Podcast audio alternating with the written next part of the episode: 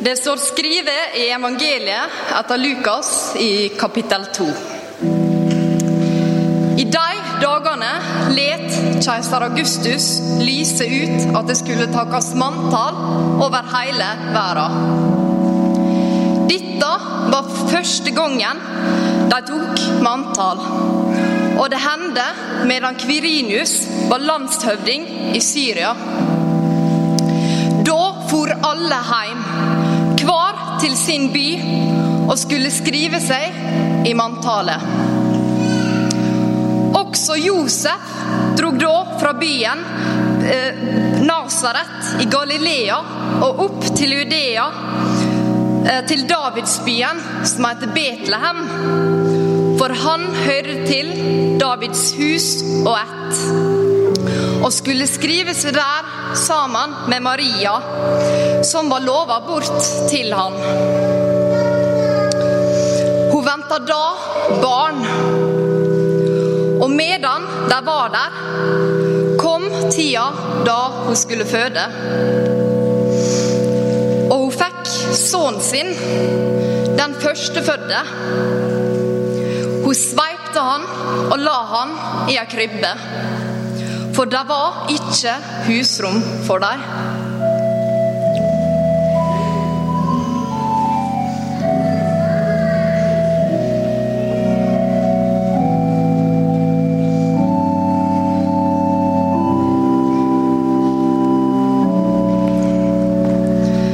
Det var noen gjetere der i området som var ute på marka og holdt vakt over flokken sin om natta. Med ett sto en Herrens engel framfor dem, og Herrens herligdom lyste kring om dem. Da ble de gripne av stor redsle. Men engelen sa til dem, Vær ikke redde. Se, jeg kommer til dere, med båd om ei stor glede. Ei glede for hele folket. Dag er det født dykk en frelser i Davids by. Han er Messias, Herren, og det skal de ha til teik. De skal finne et barn som er sveipt og ligger i ei krybbe. Brått var det en stor himmel her sammen med engelen. De lova Gud og sang. Ære være Gud i det høgste, og fred på jorda blant mennesker som Gud har glede i.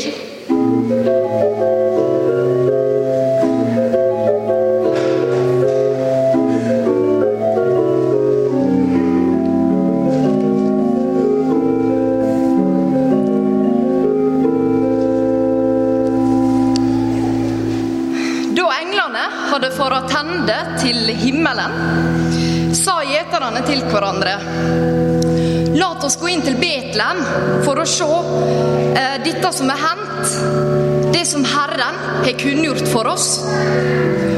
Så skunda de seg dit og fant Maria og Josef og det vesle barnet som lå i krybba. Da de fikk se det, fortalte de alt som hadde blitt sagt dem om dette barnet.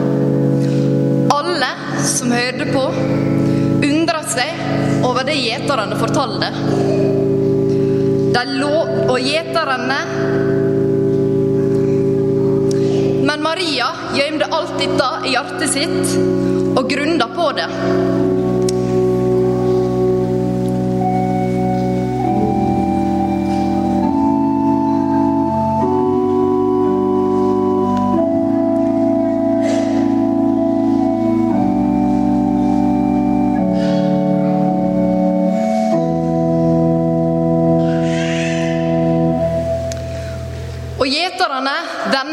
Attende. De lova og prisa Gud for alt de hadde sett og hørt.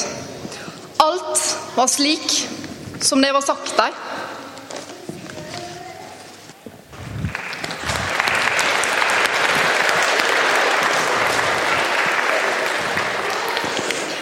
Har dere tenkt på hvor masse glede som er i den fortellinga? Du har englene som kommer og er kjempeglade og sprer glede. Du har gjeterne som har en vanlig dag på jobb, men som ender opp i slutten av teksten med å være skikkelig skikkelig glad. Og du har Maria og Josef som har fått seg en unge. De er kjempeglade, og det skjer masse spennende ting. og de, Maria sitter på slutten og lurer litt på hva dette er. Så det er tekst full av glede. Og jula er full av glede, forhåpentligvis. Og Jula er kanskje den tida av året der vi er mest opptatt av glede. og tenker på det masse og har lyst til at de rundt oss skal være glad og skal sjekke hverandre for julestemning. og 'Er du glad nå?' Og Det gjør kanskje også at vi merker ekstra godt i jula at glede kan være ganske skjør. Det kan hende dere kommer hjem i kveld og skal feire jul, og så er det noen som mangler. Og så kjenner du at ok, den gleden jeg hadde, den er ganske skjør. Det skal ganske lite til før vi blir triste. Og I hverdagene med, når det ikke er en stor festdag som i dag, så er det lett å havne inn i rastløs uro, bekymring og tungsinn. Så hva, hva glede er det oss finner i denne teksten som kan tåle det også? Enten det er hverdager eller høgtidsdager. Jeg skal ta og se kjapt på det nå. For hva, hva er det med gjeterne? Hvorfor blir de så glad? Du har englene som kommer til deg, som vi hørte, med stor gledes budskap. De kommer for å si at Gud skal bli menneske, Jesus skal bli født. Gud skal komme ned for å frelse oss. Og De tenker ja, ok, så kan de gå og se. Hva er dette her? Så de går til stallen, ser ungen. Alt er sånn som det ble sagt dem. Så står det at de går derfra og lover og priser Gud. Det står bak på arket ditt eh, i vers 20 der. Gjeterne vender tilbake. De lover og priser Gud for alt de hadde hørt og sett. Alt var slik som det var sagt dem. Gjetere, Det er veldig spesielt at det er gjetere som er først. Gjetere var kjempelave i status. De var litt uglesett. Eh, det var ingen som forventa at når det kommer en stor konge, så skal det være gjetere som ser ham først. Og Jeg tror det er veldig veldig bevisst av Gud å ordne det sånn at han sender engler til gjetere. For Tenk på hva det står i 'Mitt hjerte alltid vanker', en av julesalmene. Til og med småfuglene har en plass å bo. Men når Gud blir født, så har det ikke noen plass å være. De må ta det første og dårligste, egentlig. Og der blir han født. For Gud prøver å vise oss noe. Alle andre guder, alle andre store helligheter eller mål i andre religioner. Sånn er sånn at du må jobbe deg opp for å nå dem. Det kan være personlige guder. Det kan også være upersonlige.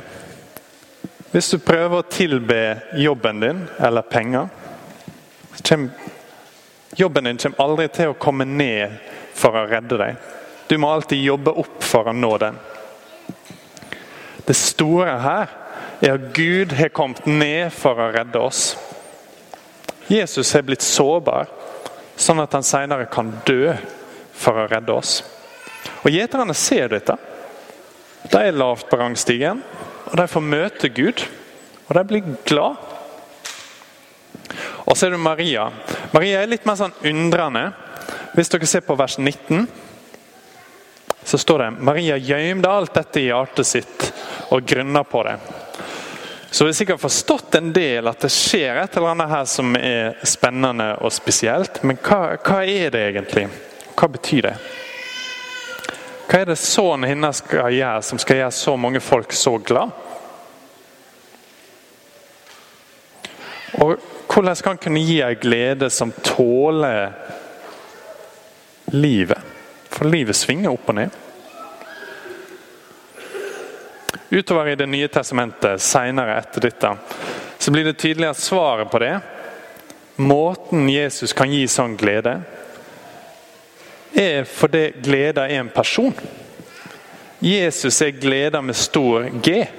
Det er ikke sånn at han viser videre til eh, noe annet som skal gjøre oss glad. Han er sjøl gleda. Og det står i Hebreabrevet kapittel 12 vers 2. For å få den gleda som venta, så holdt han ut korset. Den gleda som Jesus tilbyr, er ikke en lett sånn godfølelse som kommer og går litt. Jesus ble født i en stall. Han døde på et kors og sto opp igjen, sånn at vi skal kunne få del i han. Sånn at han ikke skal være langt vekke fra oss, og ja, kanskje han sitter en plass langt der vekke og er glad. Det kom for at oss skal kunne være nær gleda sjøl. Gleda er en person.